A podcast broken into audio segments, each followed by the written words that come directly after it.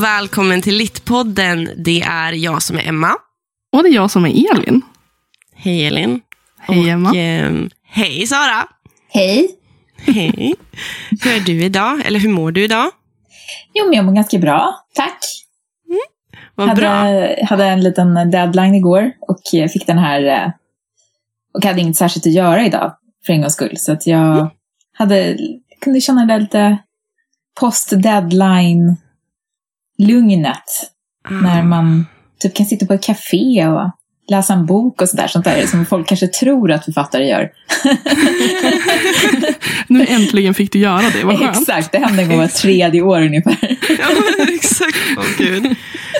Så ni som har, har tagit er tiden att lyssna på det här avsnittet, ni kommer se det i titeln också, men vi har faktiskt en gäst här idag och det är Sara eh, Bergmark Elfgren. Jag har sagt ditt namn fel varenda gång. Jag säger Elfgren och sen Bergmark. Så jag gör alltid bort mig. Om man ska vara petig så uttalas egentligen Älvgren också, men Helvete!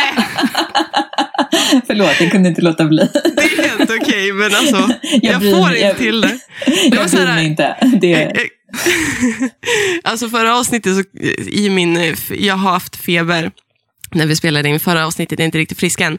Men då gnällde jag på, för då sa jag ditt namn fel också, så gnällde jag på att jag hade också fått den kommentaren på min senaste uppsats, att jag hela tiden hade bytt ett så dubbel efternamn Ah. genomgående, fram och tillbaka. I så här, på 45 sidor behövde jag gå igenom och bara byta plats på vissa. Alltså jag kan inte det där med dubbel efternamn. I'm sorry. Det du kommer kör att bli fel. lite minnesregler. Alltså, Minnesregler. Ja, men jag tänk, ja, men, ja, men du vet sådana här regler när man ska tänka, eh, för att komma ihåg olika saker ska man tänka på olika associationer till olika ord och så får du liksom visualisera. Ja, det är sådana här här liksom- minnespalats. Ja, typ. precis. Att du får liksom Exakt. göra det med dubbelnamn så kanske du kan komma, över det här Ja, och gå vidare i livet. ja, Jag vi tror, får- jag tror du Mm. behöver terapi för det. Emma behöver hela tiden terapi för allting hon gör i livet. Kul. Nej, men Ja. eh, som sagt, vi har ju Sara här som så snällt ville vara med eh, för att jag frågade så snällt dig här i våras om du ville vara med eh, på en intervju. För vi träffades när du var här uppe i Umeå. Ja, Precis, och pratade lite om Grim och lite om ditt författarskap. Ehm, och så fick jag faktiskt följa med och äta med dig. Det var jättekul faktiskt. ja Och jätterandom. du hade säkert skitkul för att du gick ju på metalkonsert sen. Jag var så avis. Bara, åh, tänk om man hade fått skryta om det. Gått med Sara på en, på en metalkonsert. Nej, nej. Det var Ja, men Vi random. hade ju en middag i alla fall. Ja, det var fint. Jag vet inte om det är så mycket att skryta med, men Jag, var, jag tror jag sa det till dig fem gånger, vilket också bara är skit. eh, Det, det liksom sammanfattar mig som en väldigt awkward person. Jag var så starstruck. Du förstår inte. Du förstår inte. alltså, det, det, alltså, man blir väldigt glad. Men det är så väldigt svårt att relatera till eftersom man hänger med sig själv hela dagarna. och förhoppningsvis har en ganska, vad ska man säga, ehm, kanske inte lika mycket starstruckness inför sig själv. Om man har det, då har man nog problem. Det är det där måste jag-. Jag måste bara få fråga då, för jag tänker just det här med att folk blir starstruck. Hur hanterar man det? När man liksom Ja, kommer så pass Oj. att man lever som författare och man märker att folk blir, eh, att folk liksom nästan tappar fattningen när man träffas. nu tappade inte jag fattningen. Nej, nej okej då. Så. Men jag var, jag var generad. Okej. Men hur hanterar man det? Alltså jag, jag tycker själv att kändisskap låter inte så jättelockande. För jag, jag uppskattar att man ska kunna vara privat. Liksom. Mm. Ja, men det upplever jag i högsta grad att jag kan vara.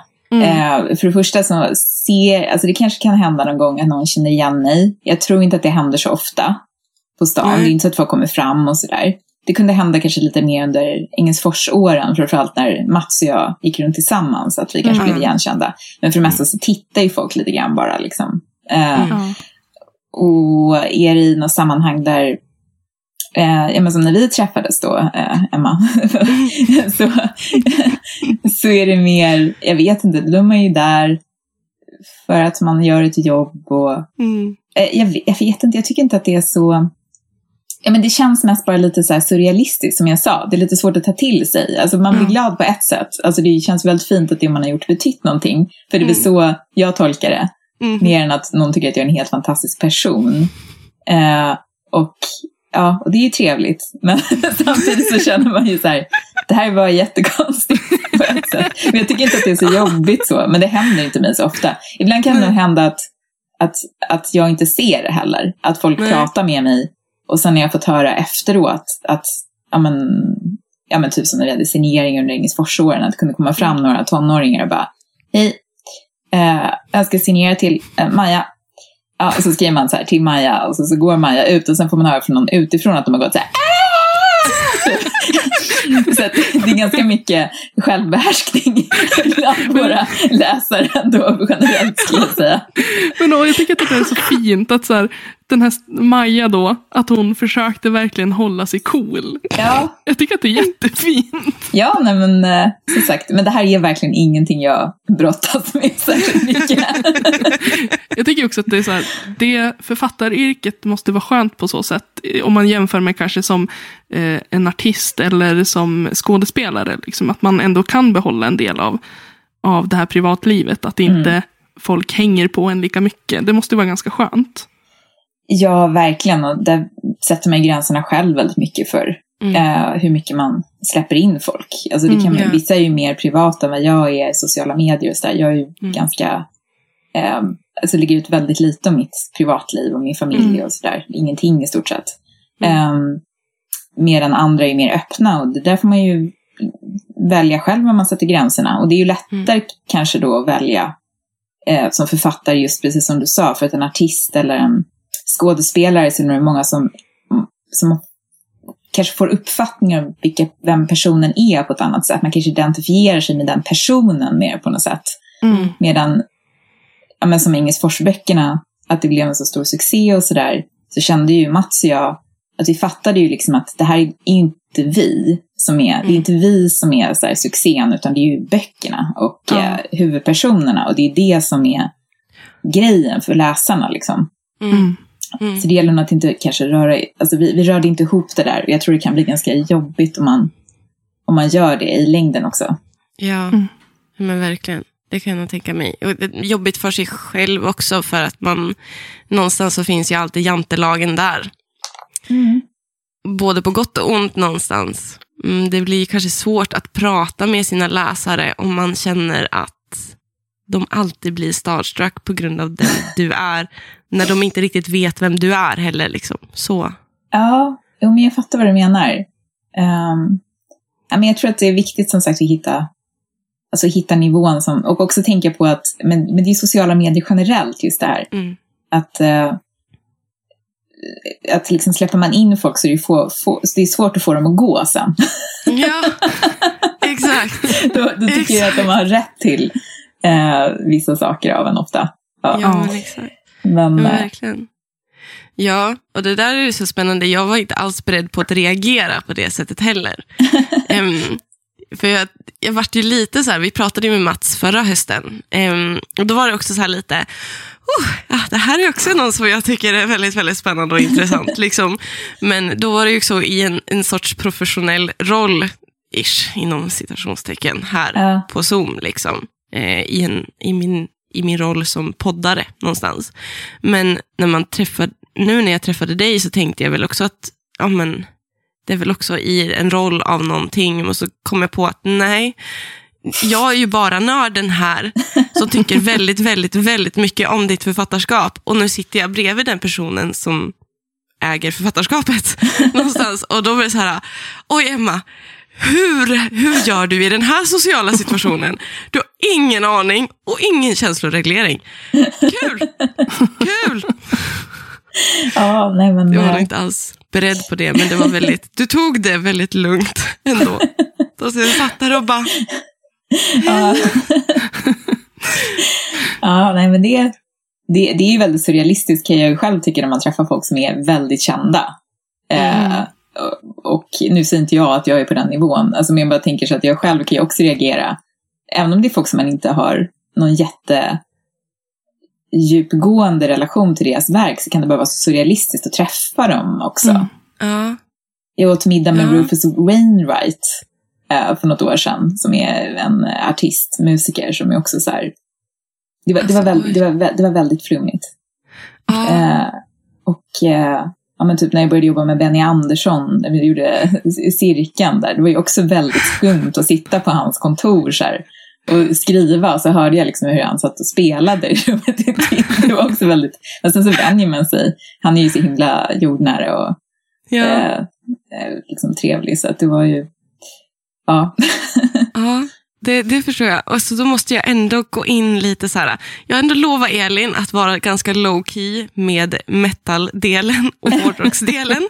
Men jag måste ju ändå så här, för alltså, du klev ju in när du skrev Grim in i, en, en, i metalvärlden helt enkelt. Bland, och, och tog kontakt med, fick kontakt med några av Sveriges större metalband. Eh, vilket för en själv känns ganska what the fuck, liksom någonstans. Men då var du, du lyssnade lite på hårdrock och lite på metal. Men det var typ där du fick också blodad hand. Eller? Hur var det? Eh, ja, Hade du om- lyssnat innan ganska mycket också? Nej, alltså jag kommer ju inte från eh, det hållet. Jag hade, jag hade någon slags, eh, vad ska man säga, närkontakt med metal när jag var omkring 12. Och Okej. eh, så såg jag Sad But True-videon och tyckte att det var ganska så här otäckt men ändå så fascinerande. Och så fick jag singeln i födelsedagspresent av en klasskompis. Mm. Och då så sa jag till min mamma, ja men jag skulle vilja köpa det här albumet, det här med Black Album då. Eh, och då sa hon nej. Jag förstår din mamma, förlåt. Ja, 12 år ändå liksom. Mm. ja jo men. Eh, nej, men så hon har ju bett om ursäkt sen efteråt. Jag menar, för sen började jag ju lyssna på indie-musik. Alla de låtarna handlade om att jag är så ful, ingen kommer någonsin älska Mm. mig. Alltså jag menar, är det så mycket bättre? Nej, nej, inte alls. Om man ska kolla på destruktiv musik eller vad man ska säga. eh, nej, men sen så... ehm, sen så, så jag har alltid varit lite intresserad av eh, hårdare musik och sen så blev jag också Mm. irriterad till slut på att jag inte Alltså att jag inte hade riktigt tillgång till så extrem metal, att det typ kunde, kunde vara lite svårt att lyssna på för att det var så Mm. mycket och eh, growl och allt det här som Mm. gör att man kan tycka det är lite otillgängligt. Så jag bestämde mig lite på att, liksom för att nej, jag, vill, jag vill in i det här, jag vill, jag vill knäcka det här, Mm. den här koden. Mm. Och så, så började jag lyssna mer och mer. Och sen så parallellt med det så läste jag någonstans också den här um, Blodeld död av Ika Johannesson och Jon Jefferson Klingberg.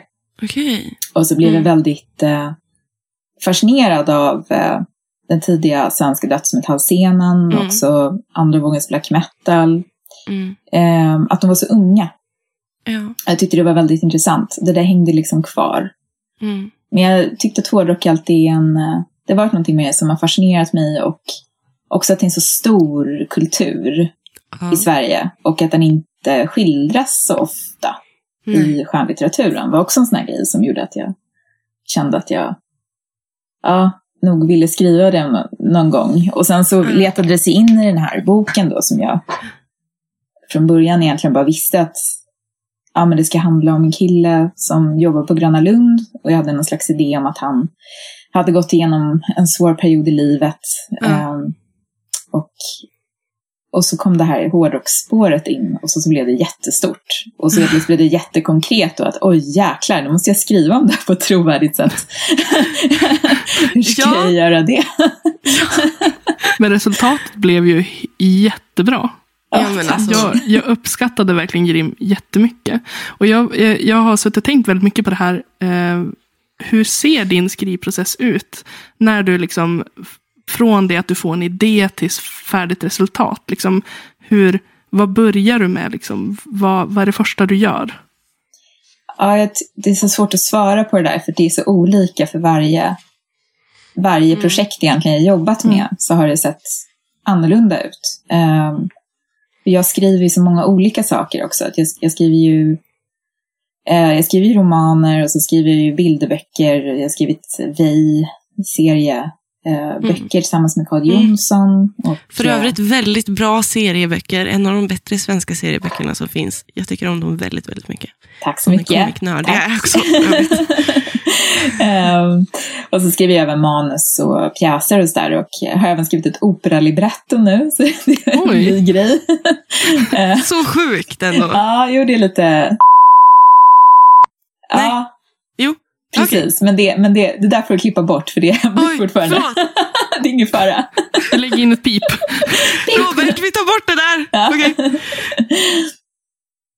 Och eh, ja, De dödas röster då, Petri serie. Mm. Ehm, så att jag, och också i och med att jag tillhör den här lilla skaran av författare i Sverige som jobbar med det här på heltid. De flesta gör ju inte det. Ehm, vissa vill inte och de flesta kan inte bara för att det går inte att få ihop det ekonomiskt. Mm. Ehm, nej. så att ehm, jag, eh, jag har ju liksom alltid flera projekt igång så det kan ju vara som att jag sam, alltså just med mina böcker, så mina romaner som jag skrivit på egen hand, Norra Latin och Grimm då, så har jag, det har varit så att jag har samlat till dem. Och lite, Mm. jag ska skriva en ny roman nu också, så, här, så då är jag också ett dokument, jag har liksom lagt in en massa grejer. Alltså jag, jag Mm. går runt och funderar på den och så, så Mm. växer det liksom fram. Och så försöker jag liksom hitta, alltså det låter jätteflummigt, jag känner att jag blir Nej. flummigare och flummigare när jag pratar om min skrivprocess. Men så försöker jag liksom hitta, vad ska jag säga, eh, jag har märkt, eh, och det här kanske är ett bra tips till många som skriver, eh, ett, alla skrivprocesser ser olika ut. Det finns inget rätt och fel. Så en stor del Exakt. av att skriva är att förstå hur man själv skriver. Exakt. Ja, Thank vilket you. är, vilket Yes. är väldigt eh, frustrerande ibland.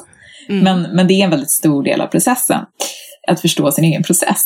Eh, Ja. Och också att förstå att den kan se olika ut från gång till gång. Andra har liksom Ja. väldigt så här, jag sätter mig ner och planerar, bam, bam, bam, bam. Ja, så Ja. funkar det för dem. Eh, eller typ, jag har en idé så börjar jag testa skriva lite. Eller, ehm, Mm. Jag har märkt att jag, jag kan göra så, men då blir man bara stressad. Jag kämpade jättemycket i Norra, Norra Latin med det. Att jag, jag försökte liksom sätta mig ner och vara duktig och börja skriva. Mm. Medan jag sen så småningom förstod att jag var tvungen att tänka ut väldigt mycket innan Ja. jag kommer någon vart. Och så var det verkligen med Grim. Att Mm. jag hade som sagt det här med huvudpersonen då som sen fick namnet Kasper ganska tidigt. Eh, Mm. Av någon orsak som jag inte minns. Eh, jag hade liksom Gröna Lund och så kom det här hårdrocksspåret in. Och det här med som sagt hans eh, depression som han har gått igenom. Och Mm. eh, hans pappa och liksom alla de här grejerna liksom växte fram under vägs gång. Och så till slut så kände jag väl att ja, men nu, nu har jag landat i det här. Nu känner jag att jag får kontakt med något. Att jag Ja. kan börja liksom eh, gräva i något. För det är väldigt stor skillnad på att känna det här är en bra idé. Precis. Det kan vara kanske en idé som den roman jag jobbar med nu. Som jag, som det vet jag, det är så tidigt. Men där var Ja. ganska mycket liksom en liten intrig. Alltså en liten sån här idé om en, eh, alltså, vad ska man säga, det som faktiskt händer i berättelsen bara om man skulle koka ner Mm. den. Mm. Okej, Mm. det, är en, det är en intressant, jag skulle vilja skriva om det. Men vilka Mm. är det som är med i det här? Eh, Mm. vilka är de? Vad har de för relation? Och där var jag tvungen att ta reda på väldigt mycket om det. Och nu Mm. kan jag känna att jag nått den punkten när jag kan börja skriva. Man Mm. måste känna att det liksom vibrerar och lever på något sätt i ens huvud när man får kontakt med idén. Mm. Och att det kan ta tid. Ehm, Ja. Så så börjar jag, eh, tror jag. Jo, men alltså, jag kan ändå känna igen mig i den sortens skrivprocess. Det är också så här, nu, nu i våras lämnade in, det var en sån rolig upplevelse på mitt 80-procentiga seminarium för min magisteruppsats. För att jag har nog aldrig sett mina lärare så chockade förut. För att jag har nog aldrig riktigt presenterat ungefär hur stökigt det är i min hjärna innan jag kommer till slutet. Och det var nästan så att en av lärarna, hon såg nästan lite beklagande ut. Jag kunde nästan höra henne tänka, jag tycker så synd om dig som dras med den här hjärnan någonstans. för att det är så stökigt. Och för mig är det så här, ja, men så här ser det ut. Så nu vet ni det. det liksom, för mig är inte så mycket det här en, det finns inte någon men, för ni kommer inte förstå där jag är nu. För att jag är fortfarande inne i någon insamling och det måste få ta, jag börjar alltid i fel håll, eh, tycker mina lärare. Tycker inte jag, alltid. Eh, det brukar ju oftast ro i land ändå. Men, men att liksom fram till slutet så är det för mig väldigt mycket en insamling och sen så är det ett råskrivande um, och sen så är det redigering helt mm. enkelt. Och när det kommer till min skönlitterära process så är det ju liksom, så jag håller ju på med ett bokmanus som aldrig kommer att bli klart. För att jag kommer alltid på mer saker jag vill, vill lägga till och väva in. Och så får det vara, liksom, någonstans. För att det är mest egentligen bara kul. Mm. Eh, allt det här. Så jag kan ändå känna igen mig väldigt mycket i den sortens skrivprocess. Sen tror jag att din är från den intervjun du hade där i Umeå, eller här i Umeå, i våras, så låter det som att du, du är lite duktig på det här med att få till faktan rätt. typ i allting någonstans. Du, hade, du, du mötte ju, eller du hade ju intervjuer till och med med gamla eh, metalkändisar och metalband va? Ja, jo men precis. de var testläsare? Nej. Ja, jo, jo. Ja. några av dem var det. Um, ja. uh, Ulf Sedlund och uh, Thomas Lindberg bland annat testläste boken. Det, var, det var stort. Um, det förstår jag. um, nej, men jag var ju inte, apropå det, för att återknyta lite till det där som du pratade om från början, det här, så jag hade ju inte den här, jag har inte den här, wow, de är kändisar-känslan eh, så mycket, eftersom mm. jag inte har den relationen till musiken. Mm. Eh, men eh, däremot så hade jag ju, det var ju nästan värre ska man säga, kan man säga, för att jag hade ju mer den här känslan, jag skriver någonting som är inspirerat av era liv, av er ungdomstid. Mm. Eh, alltså, och, och känns det som att det känns gjort på ett respektfullt och eh, autentiskt sätt. Det är mycket jobbigare. Också efter att ha haft långa samtal och ja, alltså, haft den här kontakten och, och folk har varit väldigt öppna och, och generösa. Um, mm. Och då vill man ju verkligen att det ska vara någonting som känns autentiskt. Um, ehm, yeah. Så att jag, men det var ju också samma sak just det här, alltså just den här med också process som också får vara lite snårig. För jag tror att många har en bild av med research, att man ska sätta sig ner och så gör man sin research och så skriver man boken. Mm. Och, och, så kan det säkert vara för vissa, men jag, för mig så är det mer som att, att jag gör research och hämtar in saker.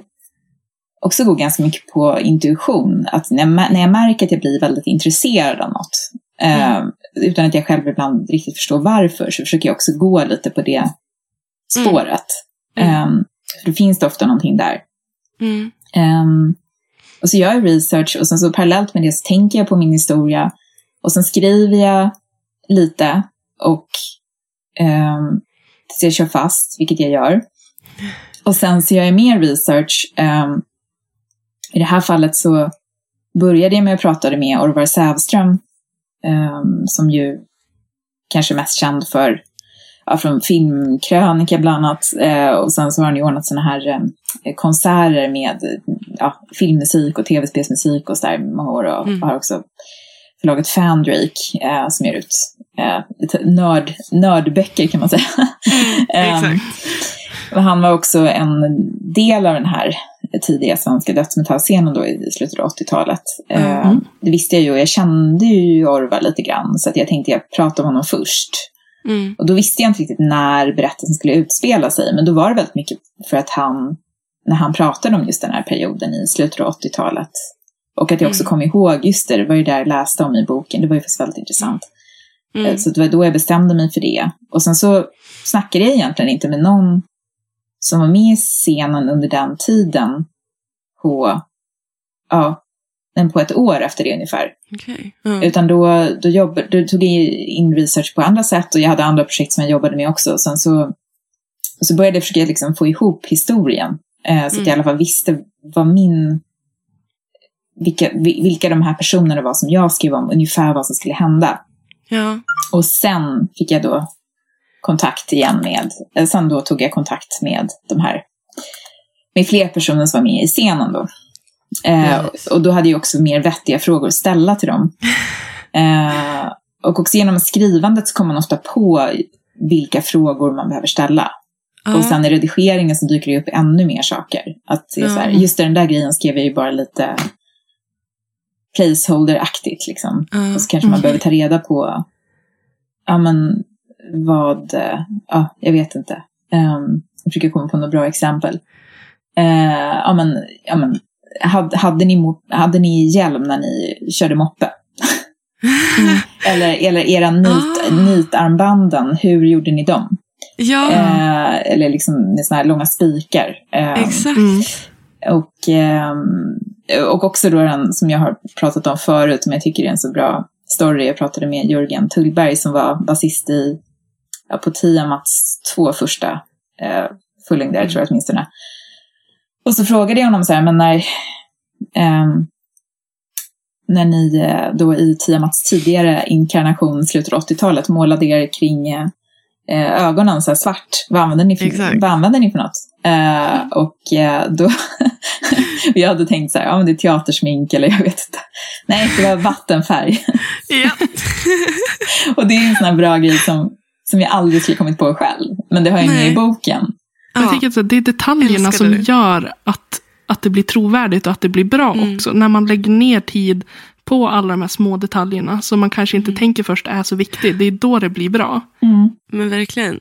Ja men verkligen. Och det är liksom så här, för, det, det vet jag ju också, eh, liksom andra kompisar, metalkompisar eller hårdrockskompisar som får sån så här, gigantisk igenkänning i just mitt detaljerna som gör att den här bokens budskap, liksom, särskilt för mig, alltså, det är väl för att jag också är liksom, jag älskar metalscenen. Min man älskar metalscenen. På riktigt, Grimm är typ den enda boken jag kan prata om med han. Och han är intresserad. liksom. liksom. För att det är, liksom, det är så mycket saker vi känner igen. Och sådana saker. Eh, Gud vad fint. Och- det, det är liksom, för mig är också det här med psykisk ohälsa en väldigt viktig sak att prata om. Men jag tycker jag älskar ändå att det, är, det, får, det får ta som plats i den här boken. Hur det ser ut och hur liksom, tungt det blir och hur man inte kan värja sig. Och hur mycket gemenskapen i till exempel ett band eller liksom att det är någonting som är ganska viktigt eh, att ha vänner omkring sig.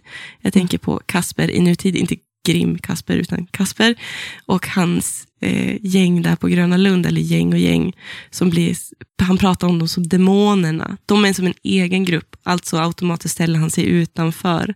Att det är liksom, jag tycker det, ah, nu kan jag snurra iväg jättemycket, förlåt. Jag tycker Nej. det är så intressant, för att det handlar väldigt mycket om gemenskap när man är inom, bara generellt inom musikbranschen Mm. ehm, och spelar musik och umgås med människor som lyssnar på samma musik och hur många av oss som också har mått väldigt, väldigt dåligt och där också kunna prata om det.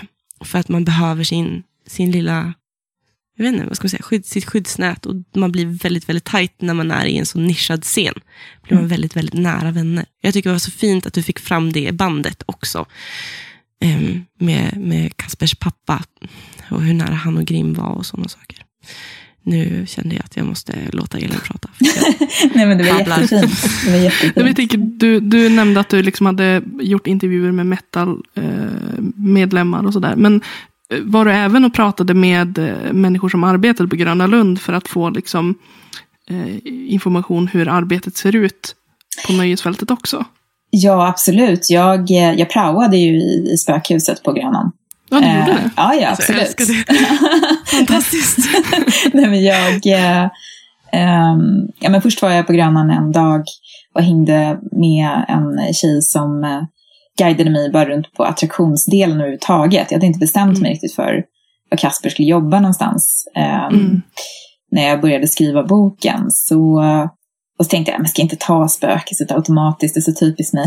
men, så, men så blev det ju så i alla fall, för det passade ju så bra tematiskt. Och, och de är Ja. liksom en liten en värld i världen. Grönan är en liten värld och, och House, House of Nightmares, House of Demons som jag kallar det då, är ju som en egen värld i det. Nej men så jag var där och, och fick se hur man skrämde folk och bara hängde med de som jobbade där. Mm. Jag gick ut med dem på Skeppsbar då, som alla gör på söndagarna. Och då blev jag faktiskt för en gång skulle igenkänd, det var ganska roligt. Och så stod jag i baren och skulle köpa en öl. Och då är det någon tjej som bara, ursäkta, är det inte du som har skrivit cirkeln? Jag bara, jo det är jag. Hon bara, men vad gör du här? jag bara, det är liksom, ja, det höjde väl medelåldern ganska kraftigt. Jag bara, nej men det är research. Hon bara, haha. Det var okej. Det var Eh, kul. av få gånger jag lite igenkänd. Ehm, nej, men så att ehm, jag har gjort jättemycket research. Jag har varit i tatueringsstudio, jag har inga egna tatueringar, så då fick jag liksom följa med och kolla på när en tjej fick tatuering. Jag har varit nere och gått till Stockholms tunnelbana i tunnlarna eh, med en trafikledare. Mm. Eh, när det var tre minuters trafik. Eh, så det var ju spännande. Eh, eh, så att jag, ja, men jag har ju pratat med mordutredare, rättsläkare. Alltså, Mm. Så det, det var dels en eh, besöka platser och eh, det, det var ju lite speciellt eftersom en stor del av skrivprocessen ägde rum under en period när det var ju pandemi så att det var inga Mm. spelningar och man kunde inte riktigt träffa folk. Så att det var nästan som Nej. att de jag träffade, många av intervjuerna jag gjorde skedde ju på Zoom Ja. ehm, och telefon. Men, men vissa intervjupersoner träffade jag, så det var nästan som att jag träffade bara min man, min mamma och de här researchpersonerna. så att, eh, ofta utomhus då, liksom på, på avstånd. så det var mycket speciellt. Jag levde verkligen i den här boken. Ja. Eh, på, på, på många plan kan man säga. Ja. Ja. Alltså det är ändå intressant någonstans att få leva sig in i den. Det vet jag att många, jag och de, de vänner som skriver också, vi brukar prata om det, att det blir så verkligt.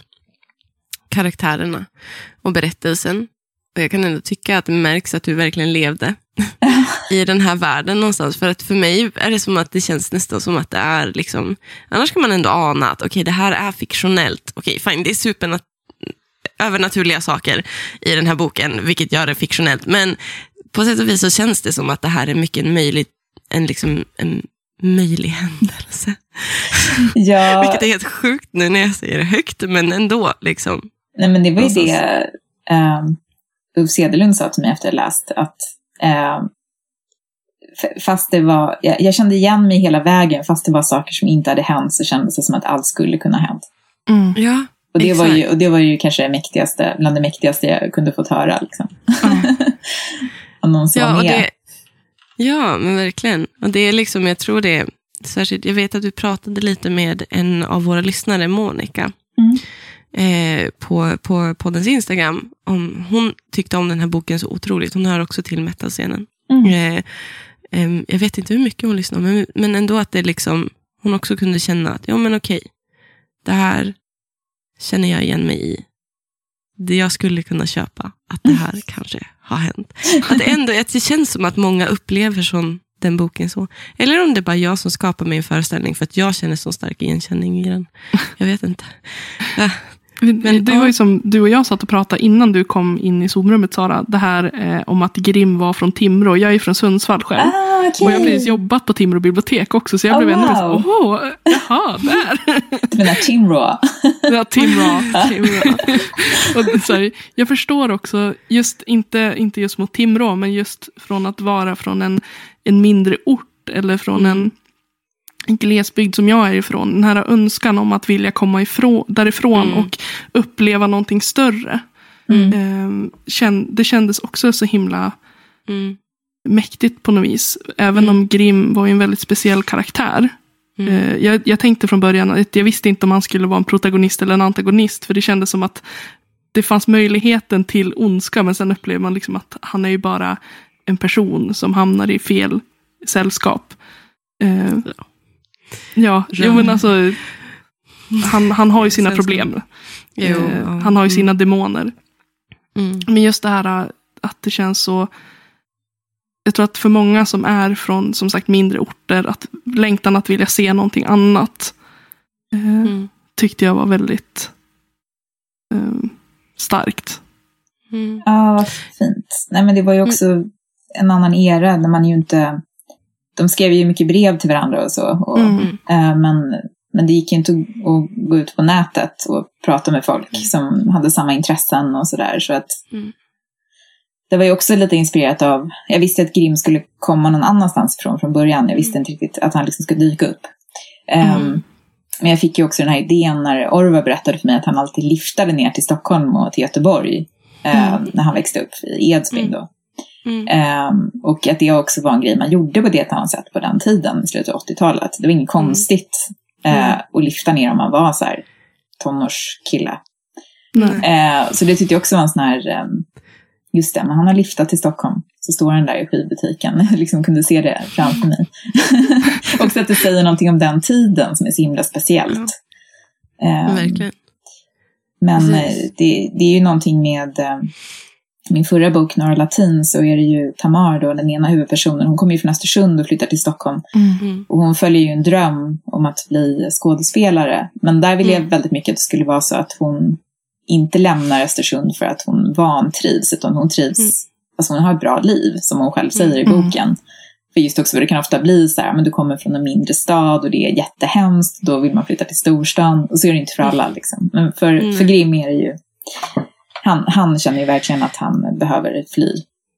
Jo, men det var ju Mm. så extremt också, den, det han växte upp i någonstans. Både i kring ensamheten, att inte ha några vänner.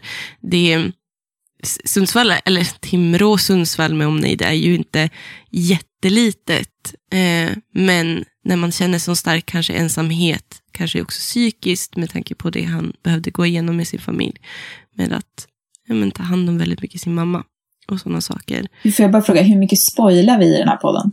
Alltså vi spoilar sönder. Ja, okej, ja. Det är det. det vet Jag ser folk. dig bli, Ja. jag ser ditt men jag ansikte bara- bara, "Ah." Nej, men jag bara undrade så här, hur, hur, hur eh, frispråkig jag själv ska vara. Det, vi tänker så här att om de vill läsa den så får de Ja. liksom det är underförstått att vi spoilar i den här podden för Ja. att vi, det är ju det vi har också, boksamtal. Ja. Och då är det jättesvårt att ha boksamtal Så man behöver inga utan att prata. recaps och eh, spoil, ingen spoilerordning. Okej, bra. Nej. Jag borde vi har ju innan. ganska, vi har ju en ganska liksom stor tro på att man också tolkar och upplever böcker olika. Ja. Att bara för att vi spoilar boken betyder inte att boken kommer att vara förstörd för den som Nej, lyssnar nej, nej, efter nej, nej, på men det var mest bara att jag ville, jag ville bara veta, veta vad som gällde. det. Det är kanske sånt man borde sagt innan i och för sig. Nej, Bra kunde- information, du får spoila. nej, men, nej, men, ehm, nej men just det där att, och, att när man känner så stark ensamhet och då också inte känner kanske att man har ett hem. När man själv kanske måste vara sin egen förälder på Mm. många sätt och vis. Ingen tar hand om en. Det är ingen som har ens rygg. Då den här känslan av att vilja fly och att skapa sig ett mål, ett hopp mot någonting är nog mycket, mycket starkare än om man har en bra, liksom, någonstans Mm. stabilt att stå på. Någonstans. Helt enkelt. Jo, Jag kommer verkligen. inte riktigt ihåg vad vi pratade om innan, men jag tror jag avslutade det bra där. Ja, det men tycker jag du Det gjorde. lät bra. Jag köpte det i alla fall. Mm. Vi, jag tänker, vi, pra, vi har pratat lite grann om Grimm. Jag tänker ditt författarskap i helhet. Vad, vad tycker du är det svåraste och det, och det roligaste med att just arbeta som författare? Vad är din typ största utmaning? Mm. Eller liksom, både psykiskt eller praktiskt? Eller liksom, vad är det, antingen det värsta du varit med om det, eller det värsta du kan tänka dig. Oj, oj, oj. Okej, det var mycket här nu. Eh, jag måste bara... Eh, det värsta jag varit med om... Nej, men... Nej, men... Eh, för... Nej, men för det första så, jag älskar mitt arbete. Jag älskar att skriva på heltid. Jag tycker det är en ynnest. Jag tänker på det nästan Även när jag är jättestressad och jag känner mig ensam eller känner att Mm. eh, jag blir frustrerad för att jag inte kommer vidare eller jag ligger risigt till med en deadline, vad det nu är för någonting, så är det Mm. inte så att jag någonsin känner att jag skulle göra någonting annat. Mm. Jag känner väldigt mycket att jag, eh, jag blir verkligen eh, jag blir lycklig av att hålla på med det här. Ehm, Mm. Och att jag känner att det mm, berikar mitt liv på så många olika sätt. Ehm, Mm. Så att ehm, även om vissa saker är jobbiga ibland så är det ju Alltså det är inte så att jag ifrågasätter mitt val, också för att jag också vet att jag menar, det, det, jag har haft så mycket tur också. Alltså det, Ja. det är ju um, alltså som att jag fick the golden ticket när, vi, när cirkeln kom ut. Och, och det säger jag inte för att reducera. Alltså vi jobbade jättehårt och jag tycker att vi skrev eh, jättebra böcker, Mats och jag, som jag är jättestolt över. Men, eh, men det handlar ju också om tur och timing och är man Mm. inte medveten om det, då har man nog, bör man nog ta sig en funderare.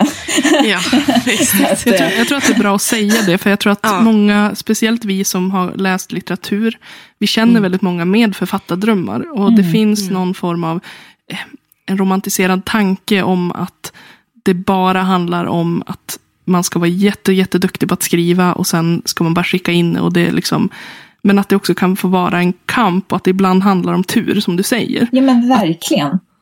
Ta tur och timing och mm. massa saker um, mm. som inte går att styra över. Och det finns, uh, um, det finns ju jättemånga fantastiska böcker som inte når ut. Mm. Um, och jag menar, man kan bara ta som exempel nu med uh, när cirkeln kom ut. Så en av orsakerna till att det blev så stort uh, var ju också, alltså utomlands var ju för att det var precis i den här crossover-trenden. Mm. Vi hade haft liksom Twilight innan dess, eh, Harry mm. Potter, Guldkompassen och så mm. Hungerspelen. Och, och folk letade lite efter vad är nästa grej, det kanske är häxor. Mm. Alltså jag menar, nu, nu, det var inte någonting som Mats och jag satt och planerade, utan vi var mer så här, ja men det kanske är något eh, förlag i Sverige, barn och ungdomsboksförlag i Sverige fattar det här med att man kan skriva en ungdomsbok som även vuxna vill läsa. Mm. Alltså just att det här faktiskt existerar som fenomen. Sen att den helt plötsligt började, att vi sålde väl översättningsrättigheter till men, kanske sju länder innan den kom ut tror jag. Mm. Däribland mm. Eh, Storbritannien, vilket är jätteovanligt för svenska ungdomsböcker. Mm. Eh, och att det också blev som en så här hype inom förlagsvärlden mm. internationellt. Det mm. skulle ju inte alls hända på samma sätt idag. Eh, också det var hela Nordic Noir-grejen dessutom. Så det var mm. skandinaviskt dessutom. Mm. Medan idag så är det inte samma hype kring Skandinavien och hela den här crossover-grejen är inte alls lika stark. Alltså Grimm har ju eh, kommit ut på engelska nästa år, vilket är fantastiskt. Mm. Men eh, det har inte alls varit samma eh, intresse för översättningar utomlands. Och, eh, mm. och, och, det beror ju på, då säger förläggarna, Alltså det är svårt att ens få dem att läsa. Det är sånt här, det är sånt här saker som man aldrig får veta. För mm. författare ska också bara prata om när det går bra hela tiden. Mm. Och, det, och, det, går ju fortfarande bra för mig, så det är inte så att jag är yeah. missnöjd. Det är fantastiskt när det kommer på engelska. Jag, jag, jag, kunde inte föreställa mig det. Så att det är ju, um, men, men då att uh, det är svårt att ens få förläggarna att läsa för att de säger så här, nej men vi säljer inte ungdomsböcker längre. Och då försöker de säga så här, men det här är ju också en bok för vuxna. Och det är liksom, ah, ja, mm. det är svårt det där, det är svårt att, att få ut det. Men för tio år sedan då när cirkeln kom, så var det ja. någonting som man inte egentligen nästan behövde kommunicera. Mm. Det, här, det här är ett typiskt exempel då på mm. timing. Ja, men verkligen. Ja, verkligen. Det säger också, väldigt... också, också Nej, fortsätt. fortsätt. Nej, men, nej, men så tänker jag också väldigt mycket på att liksom där, nå, där när cirkeln kom ut så var ju också det här med det queera började bli någonting som faktiskt folk, alltså samhället började få upp ögonen för och började intressera sig för och började ta kanske liksom mer ställning rent offentligt. Så kändes det i alla fall där jag var, vi pratade ju inte, jag kommer ju från en superliten, liten, liten, liten stad. Eh, vad blir det Elin? Tio mil inåt landet från Sundsvall. Mm. Mm. Timrå. Så, ännu mindre än Timrå liksom. Eh, och där var det här med, med det queera, det liksom, och absolut inte i böcker någonstans, det pratade vi inte om. Det, det gjorde man inte. Det var lite vi udda estetare som kunde göra det. För vi var ju ändå lite konstiga. Liksom, hallå, hade blått och rött hår. Liksom. Självklart är ni queer någonstans. Liksom. Ja, fair. Men att när cirkeln kom så var det också ett medel som satte ord på saker. Som gjorde att man faktiskt kunde prata om det här utan att folk bara, ah, ah, är du bög eller? Typ, eller något sånt. Man är ändå från den generationen. Och det, jag tror att där med timing också. Ni tog ju upp någonting som var högst aktuellt liksom i också människors vad man ska säga, kärna och hjärta. Det, för det är typ det största avstampet i mig i alla fall. Det är mm. det, det starkaste, att jag fick ord för, för just den delen som jag inte haft förut. Gud, vad jag typ gråta. Nej, men det, jag blir så rörd. Nej, men, nej, men alltså det, det är fint. Det är fint. Jag är inte alls obekväm med känslor. Oj. Nej, um, nej, men... nej men, men det, är, det är så liksom, verkligen. Och jag, jag försöker hålla mig saklig, för att det här är en sak som jag redan har gråtit över väldigt mycket. Men när jag pratar om det alltså med mina vänner på universitetet, att hur... Ja, men till exempel, jag är bisexuell, däremot så är jag gift eh, med en man. Att jag ens kunde fatta vad det var som hände i mitt huvud. Det kommer ju mycket från cirkeln. Liksom. Någonstans. att Hur kan jag vara i ett förhållande? Och jag och min man vi träffades under gymnasiet när jag var 16. Um, där i svängen då cirkeln kom. Liksom. Så att, att vara förvirrad, att vara attraherad av tjejer. Inte kunnat säga det riktigt och sen så bli tillsammans med en kille. Men fortfarande känna att okej, okay, hade vi inte varit tillsammans, jag och min man, då hade jag ju tyckt den där tjejen var lite god att krama med. Liksom så. Och ja men alltså, där och då liksom, kunde man liksom prata om det. Och för mig var det ju väldigt lätt då, via, via böcker någonstans. Särskilt via liksom en, en, en bok som också är väldigt välskriven, måste jag säga. Helt enkelt. Det är liksom så. Så att där i timing var det ju väldigt rätt, mm. tycker jag. Verkligen. Jag tänker också just det här med att barn och unga, rent liksom statistiskt så läser de mindre nu än vad de har gjort förut. Vilket kan vara en av anledningarna också till att ungdom, uh, barn och ungdomsböcker säljer mindre. Exakt. För att det är mm. svårare att få barn och unga att läsa. Men jag tror att där måste man ju verkligen Istället för att säga att ah, det är jättesvårt att nå ut, att man måste vara ännu mer aggressiv och trycka ännu mer böcker. Jag ska säga det till mina agenter. Ja, vi måste vara ännu mer aggressiv. Slå ner dem med bok. Jag tycker att man måste konkurrera Nej, ut andra typer av medier. Man måste försöka konkurrera ja. ut mm.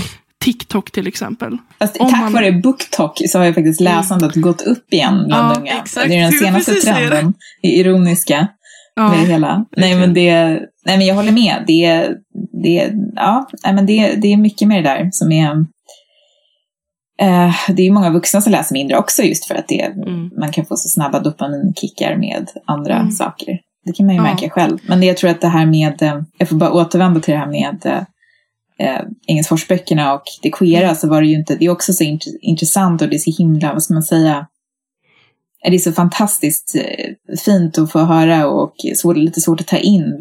Mats och jag har ju fått höra det här hos, ja men dels fick vi höra lite då, men kanske nu framförallt mm. ett gäng år senare, att det är folk som var kanske 14, 16 då, mm. som nu mm. är i 20-årsåldern, som berättar mm. vad det betydde för dem. Um, och det är ju helt fantastiskt och det, det fanns ju ingen um, det, det, och det, det, framgår ju inte egentligen så mycket i första boken heller, utan det är ju, blir tydligare. Så att de här länderna som köpte boken, de visste ju inte heller vad de köpte. Alltså vissa av de här länderna var ju ganska, Ungern kom ju cirkeln ut, det var ju precis när det här superkonservativa, ja. alltså jag vet inte riktigt exakt när det började, men det var, jag minns att jag ändå var så här, det var fascinerande att de, de gick väldigt bra i Ungern. Och det kände man ju också mm. så här, men det här, då visste ju inte förlagen från början att de, att de köpte liksom en enorm slow burn lesbian love story. story.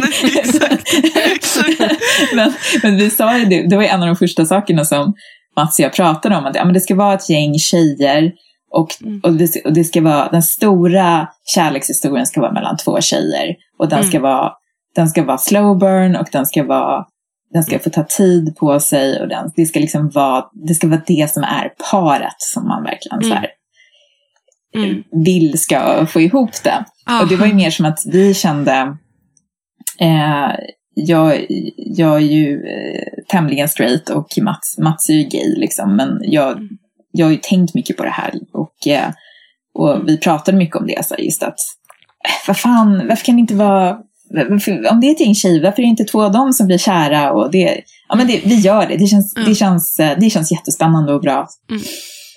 Så vi hade ingen, vi kunde inte heller drömma om att det skulle betyda så mycket, men det är ju helt fantastiskt att det gjorde det. Ja. Men det var nog kanske också en timing där som vi inte alls ja. var beredda på. Men också just att det kanske fick vara lite slow burn också. Ja. Tror jag. Mycket. För mig gjorde det väldigt mycket. Faktiskt att det fick komma, att det fick växa fram, att det fick kännas på en annan anledning. Det jag, kom, det jag kommer ihåg nu, så kommer, man kommer inte ihåg mycket från den tiden, men av de böckerna jag läste så var det ju väldigt tydligt annonserat alltid att det här var en lesbian love story. Ja. Two girls. Och lite, lite så farligt någonstans av någon anledning var att läsa dem. Ehm, men att, och då, och då får man ofta som ung, tror jag, en känsla av att det här kanske inte eh, det här är lite kinky, alltså då är det inte så hälsosamt. Medan med Cirkeln och Engelfors-serien så var det ju slow burn och det fick växa fram på ett väldigt, på sätt och vis sunt sätt, tycker jag. Liksom. Och där det fanns en, liksom, okej, det här är ju bara ett helt naturligt, självklart förhållande. Man, you, you are rooting for these two, liksom någonstans. Och det, jag tror att det var nog en väldigt, väldigt viktig ingrediens eh, för att det faktiskt skulle bli en sån bra kärlekshistoria också. Och varför många också kan känna att det känns, känns bra här inne och känns som en, en, en stor igenkänning. Liksom så. För den igenkänning man annars kanske haft, okej, jag var attraherad av tjejer, eh, jag läser en bok om två tjejer som gillar att hångla. Det var liksom det man kanske fick innan. Medan i det här fick man, okej, det handlar inte bara om två tjejer som gillar att hångla. Här finns det några som älskar varandra. Och det, det framkommer väldigt tydligt. Och det, det, det, jag tror att det var det som liksom var nyckeln. Nyckeln. Pun intended. Du är så nöjd. Så nöjd Så nöjd. Fantastiskt. Mm. Mm. Nej, men eh, ja, nu har vi pratat väldigt mycket om det, eh, vilket jag hade kunnat prata om i två timmar till. men, men vi måste liksom gå vidare någonstans också. Eh, men det här är liksom en ganska bra eh, tanke, en fundering, för att vi pratar väldigt mycket om hur böcker påverkar oss, eh, jag och Elin. Senast läste vi en bok som heter Min mörka Vanessa, vilket påverkade oss otroligt. Så vi tänker att det är en ganska bra fråga. Vilken bok har påverkat dig mest, tror du?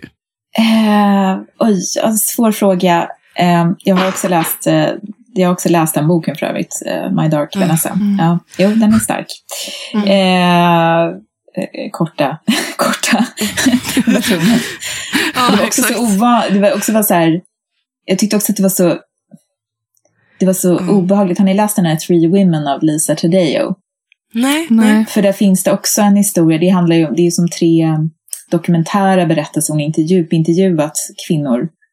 Och då är det, en av de berättelserna handlar just om en tjej som går i high school och som blir eh, groomad av sin lärare. Och det var så obehagligt också hur lika berättelserna var. Alltså hur de här männens tillvägagångssätt var så, Mm. alltså det, ja. Mm. Det var exakt det vi pratade om, hur just manipulation är, Mm.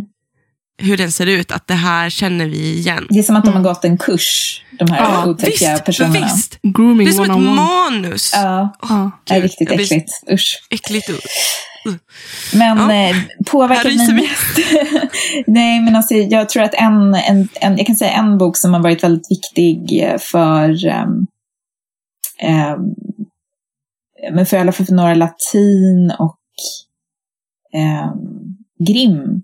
Eh, och också kanske mitt intresse, kanske de dödas röster, alltså mitt intresse Mm. för um, ja, men, vänskapsskildringar och kanske också lite det här med unga som håller på lite med eh, mörka intressen. eh, det är Juliana och jag av Inger Edelfelt Okej.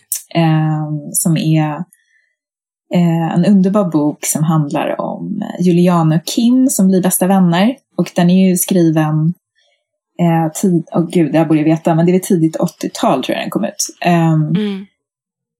jag läste den ju då tidigt 90-tal tror jag. Och Mm. var väl lite yngre än de är i boken och sådär. Men jag, jag läste den så många gånger. Jag var så Mm. fascinerad. Och eh, så läste jag om den faktiskt när jag, eh, jag vet inte om det var under tiden jag höll på, jag, hade, jag höll på att redigera Norra Latin tror jag. Och så läste jag om den för Mm. första gången på många, många år.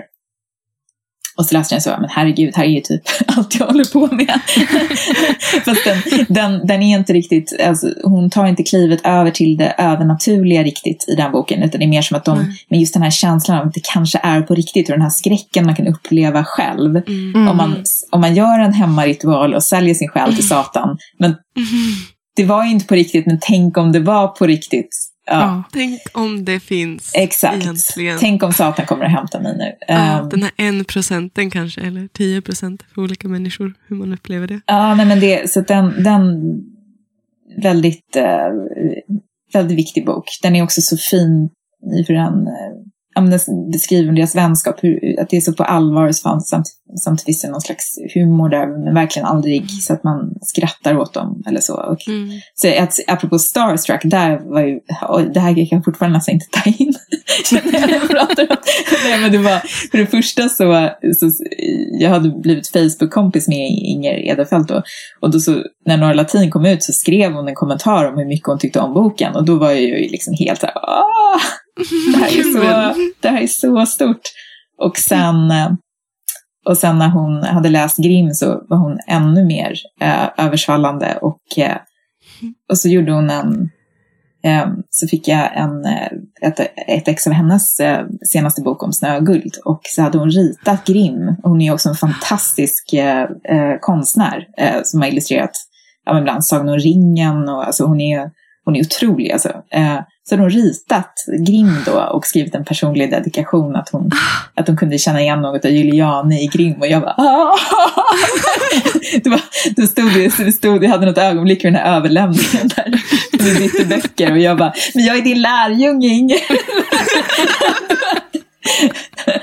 Nej, det var, det var stort.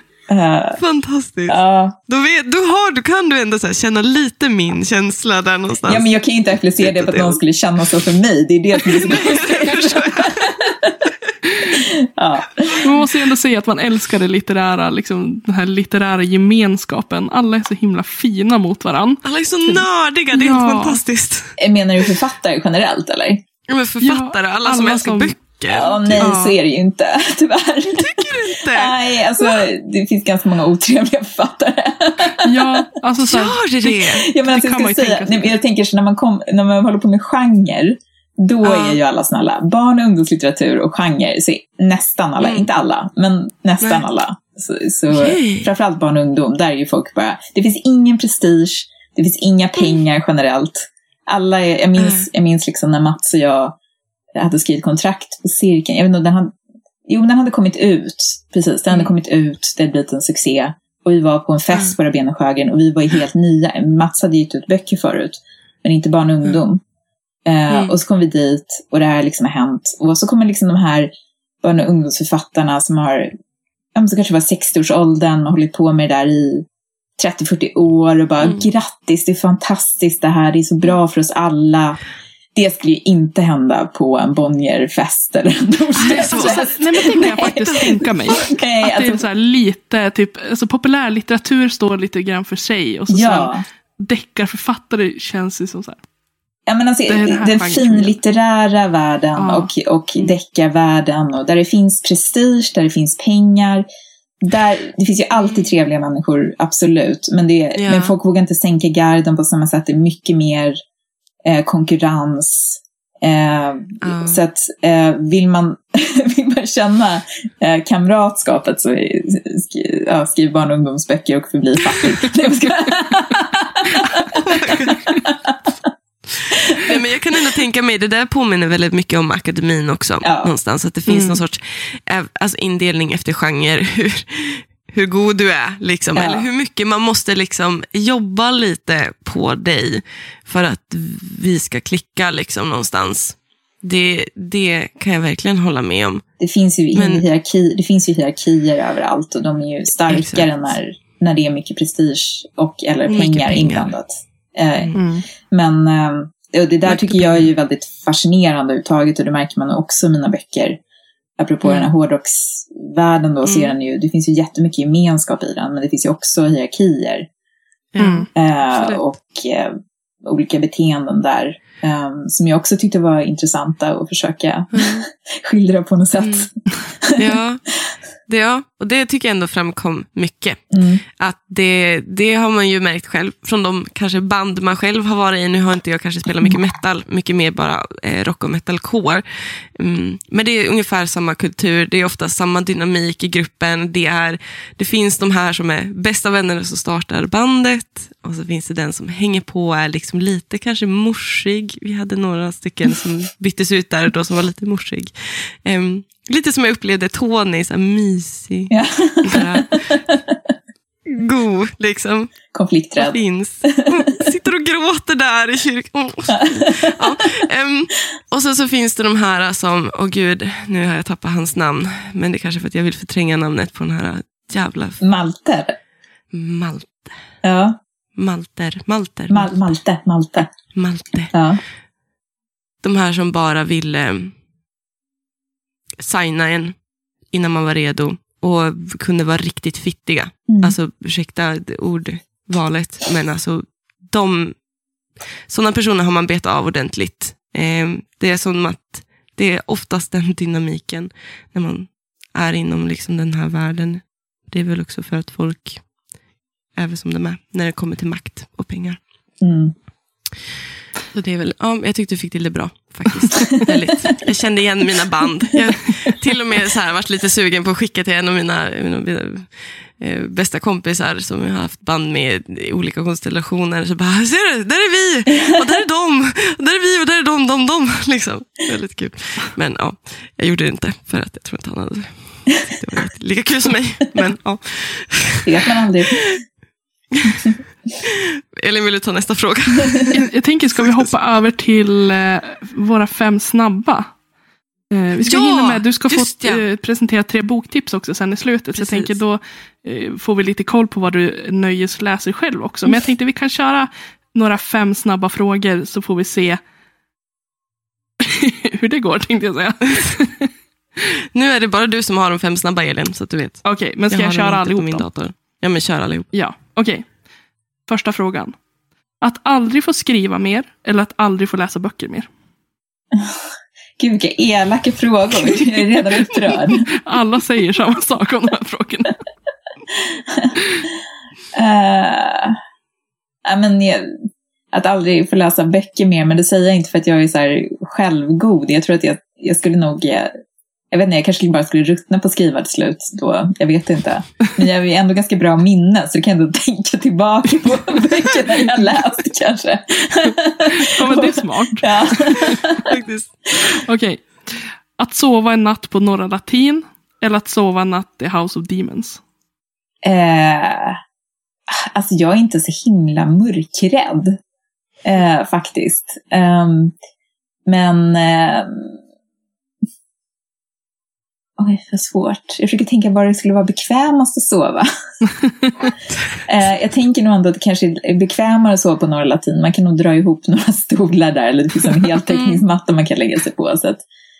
Ja, men jag säger nog... ehm, jag säger nog ändå Norra Latin. Också för att det är lite kusligt i House. Det, det här, jag beskriver i boken att det finns ett så här knarrande ljud som man hör. Ja. Det där är ju baserat på verkligheten då. Mm. Då, Eh, jag kan tänka mig att det är kanske mindre läskigt att sova natt på Norra Latin om man får Ja. sova vart som helst på hela, hela stället. Liksom. Ja, huset är ju inte designat för att skrämma en heller. Så att, Nej, Nej, Nej. exakt. Nej, Mm. precis. exakt. ja, men jag Ja, men, ja. Eh, tydliga avslut eller ett öppet slut? Öppet slut. Du, Både jag och Elin nickar. vissa Alltså, jag gillar ju- för det. Ja, alltså jag gillar ju, det beror lite grann på. I Grim tyckte jag att det var väldigt snyggt, för det känns som att det är ett ganska öppet slut. Man vet inte riktigt eh, hur, liksom, det känns som att det skulle lika gärna kunna bli en uppföljning. Eh, kanske bara jag som hoppas också. men, Mm. men annars, alltså jag brukar ju ofta vara ett fan av ett, ett tydligt avslut, men det, ibland funkar det också med ett öppet slut. Mm. Mm. Jag är ändå förvånad. Alltså Elin brukar, som sagt, hon är ett större fan av liksom, att, konkreta saker. Jag är mer så här, det ska vara weird och skumt och man ska känna obehag på slutet. Man ska må skit, okej? Ja, men jag, tycker, jag tycker att man ska, jag tycker att man ska eh, ma, ma, avsluta vissa saker, men man får inte, man får inte liksom knyta ihop alla säckar. För då tycker jag att Mm. berättelsen bara dör efteråt. Ah. Och vissa, även Ja. vissa folk som, vissa som hör av sig till mig och missnöjda med slutet på De dödas röster till exempel. Det känns som men du skulle inte ens tänkt på den här serien om du hade fått alla svar. Och den hade inte funkat, Exakt. fin- inte funkat av en massa andra orsaker heller, men ja, det är en bisak. Exakt. Ja. Så många diskussioner jag haft med andra personer om det där. Om det dödas röster just för att alla har olika uppfattningar om hur den slutar och jag bara "Ah, njuter av det här. Plågas på ni. Okej, nästa fråga. Mm. Vem hade du helst velat äta middag med? Erling Jensen eller Grim? Eh, ja, men alltså, du, hmm. eh, ja, men alltså, jag tror nog... Det beror lite på, alltså, jag vet inte om man ska spoila även Norra Latin nu, men, men Erling har ju lite olika faser kan man väl säga i sitt liv. så att, jag menar, i, i, som han var alltså i början så känns det som att ja, men det skulle säkert vara trevligt. Mm. Alltså Grim tror jag inte skulle prata så mycket med mig om vi inte kände varandra. Så att, Och så kanske han eh, tar med sig något så avlidet djur som man hittar någonstans. ja, nej men det tror jag inte han skulle göra. Nej, han det skulle nog mest... Jag tror däremot att han skulle ha det här antingen att han är lite layback eller att han är lite intensiv. Ja, det beror på hur... Det beror liksom på... Jag tänker att jag som vuxen skulle träffa Grim och vi skulle äta middag tillsammans bara lite randomly. Ah. Men om han skulle uppleva att vi hade ett gemensamt intresse, då skulle jag säkert Mm. gå mer och, och prata. Så att, Mm. ja, men jag säger Grim ändå. Ja. Mm. Mm. Okej, sista Jag frågan. vill ge honom mat. ja, ja, man vill inte ta hand om honom faktiskt. Okej. Jump scares eller en smygande rädsla? Eh, smygande rädsla. Eh, Ja. I alla fall med det jag själv jobbar med mest. Ja. Sen kan jag tycka att jumpscares är lite roliga ibland om det är den typen av film. ja, Nej. jag gillar jump scares. Att bli rädd. För att vara en sån skräckälskare som jag är, alltså jag klarar inte av jobbsk- Alltså jag hoppar för mesta livet. Jag är så jävla rädd om mig. Så jävla rädd. Det är bara, det är bara att släppa taget och låta det hända. Ja, men då kommer jag ju skita på mig. Okej, kanske inte så mycket. Ja. Ja, men om vi ska gå vidare till din... Du har ju förberett som sagt tre boktips. Hur Precis. ska vi gå vidare till det bara? Ja, Mm. eh, men mitt första tips är ju då Blodeld död, en svensk metalhistoria av Ike Mm. Johannesson och Jon Jefferson Klingberg, som jag nämnde förut, den här boken. Och det är väl just om man, om man tycker det är intressant att läsa om ja, den riktiga metal-scenen då, som jag ju Mhm. då har närstuderat, sen plockat isär och byggt upp mitt eget, eh, min egen version av. Eh, men om man vill se, veta lite mer om den svenska eh, metalhistorien. Det finns ju också en eh, dokumentärserie just nu som heter Hårdrock på export som handlar om svensk metal främst ur någon slags eh, ja, framgångsperspektiv kan man säga att Mm. de har. Men i avsnitt två där så kan man, där är några av mina intervjupersoner med och eh, där får man också veta lite mer om den här svenska dödsmetallscenen. Mm. Precis. Eh, och sen mitt andra tips, en bok jag läste nyligen som heter Där var du, större än bokstäverna som bildade ditt namn. Eh, Kristina-boken kan man söka på. Den har en väldigt lång titel, den är egentligen två titlar. Men Kristina-boken, Kristina med C, Mm. är av Hanna Reis, eh, som är eh, poet. Det här är hennes eh, romandebut. Eh, det är inte någon särskilt traditionell roman, utan det ligger väl ganska nära hennes eh, eh, sätt att skriva poesi. Men den handlar om, för, för Grimm är ju också, jag knyter an lite bara, just för att Grimm handlar ju väldigt mycket om sorg. Eh, Mm. Mm. I alla fall för mig gör den det. Eh, och den här boken handlar också om sorg, och den handlar om att ha förlorat en vän när man är ung och hur det där lever kvar och hur det Mm. påverkar ens liv. Och eh, jag tycker att den är otroligt stark. Ehm, Mm. Ja, det är en bok. Gud. Alltså, det var en sån här bok som att jag, jag sträckläste men jag var tvungen att lägga den ifrån mig den ibland. Um, Mm. För att den blev så stark. Men samtidigt är den väldigt... Um, alltså den, den, den, flyt, den flyter ju på liksom på något sätt. På ett Mm. sätt man bara vill vända blad hela tiden. Mm. Men, ehm, och sen då mitt tredje tips är eh, om Snö och guld av Inge Edefelt då, som jag nämnde förut också. Ja. Som jag Mm. tyckte otroligt mycket om. Och det är en bok som också handlar om så den handlar om eh, kreativitet och ensamhet och eh, ja, psykisk ohälsa. Eh, mm, liksom us, jag gillar egentligen inte så här uspa in böcker så, där, så mycket. Att det, är så här, det handlar om de här ämnena. Men, Mm. men det finns eh, men det, det, det, för, det finns med i boken i alla fall. Och jag, jag tycker att den Mm. var, jag tycker den var Mm. otroligt bra. Eh, Mm. och ehm, ja, den rekommenderas varmt. Det känns som att den har liksom det känns som en bok som nog skulle kunna nå, nå ut till många fler läsare än vad den har gjort. Och apropå bra Mm. böcker som försvinner lite. Alltså det känns som en Mm. sån här bok som många skulle verkligen kunna uppskatta på många sätt. Mm. Till fler ska läsa den boken. Mm. Ehm, och sen också eftersom jag ju faktiskt skriver en del genre då så känns det ju så här, nu har jag tipsat om tre böcker och ingen är fantastik. Så då slänger jag in The Memory Theater av Karin Tidbeck Ja, som Oj, tips. ja. och eh, den kommer nu på svenska också. det gör det? Ja. Okej.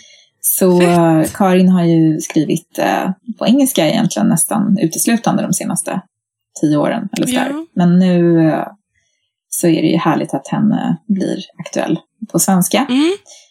Verkligen. Eh, Och jättefina boktips. Och tack så jättemycket för att du var med idag. Jag tyckte det var jätteroligt att få prata med dig. Ja, tack. Det var jättefint att få prata med er. Jag hoppas inte jag bara började babbla om oväsentliga saker utan att ni fick Nej, svar på era frågor. Jag tycker att det har varit ett jätteintressant samtal. Jag har verkligen, alltså man ska ju kunna sitta och prata mycket längre om bara om Grimm, men också Norra Latin. Och, Ja, verkligen. men jag tänker att det cirkeln. kanske blir jobbigt att lyssna på ett poddavsnitt som är fyra timmar långt. Jag brukar vara mer nördigt så att jag är van. exakt, exakt. Men de är lite fler också Ja, ja, i den. Så att då är det mer fine med att ha längre avsnitt. Då får man nya röster hela tiden nästan. Ja, Men det har varit fantastiskt kul. Alltså verkligen jätte, jättekul att du ville vara med. ja. Super, super härligt. tusen Och vi ser tack för att fram emot en ny bok i och med att du sitter och skriver på en ny. Jag sitter och Eh, bok, skriver. Vi säger det så om min förläggare lyssnar på det. ja, Nej men super. Ehm, och sen så säger vi till er där ute att jag hoppas att ni har tyckt det varit kul att lyssna på vårt Mm. samtal. Eh, och att ehm, nu, nu känner jag så här, nu är jag helt inne i det vi har pratat i, så nu är jag lite så här flummig. Vi vill gärna tipsa inte. om att ni läser de här böckerna vi har pratat om idag kanske.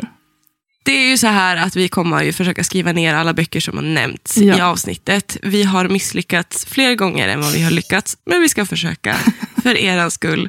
Ehm, och så får ni ha en riktigt eh, bra höstdag, hörni Mm. ni. Och eh, slå på lite At the Gates eller vad man nu känner för att lyssna på. ja, precis. Eller Nihilist. Mm, gärna. Ejon funkar bra också för den delen. Härligt. Visst är de i Östersund? Östersund ja fortfarande? Ja, bra. Mm, det, jag. det är bra. Ja. Det, jag var osäker. Jag måste fråga Robert sen. Ja, skitsamma, annars får han klippa bort det. Nej, men, ehm, så får ni ha det så bra. Ha det så bra, och så säger vi tack så jättemycket, Sara. Tusen tack. jättemycket. Tack, tack. Hej då. Hej. Hej.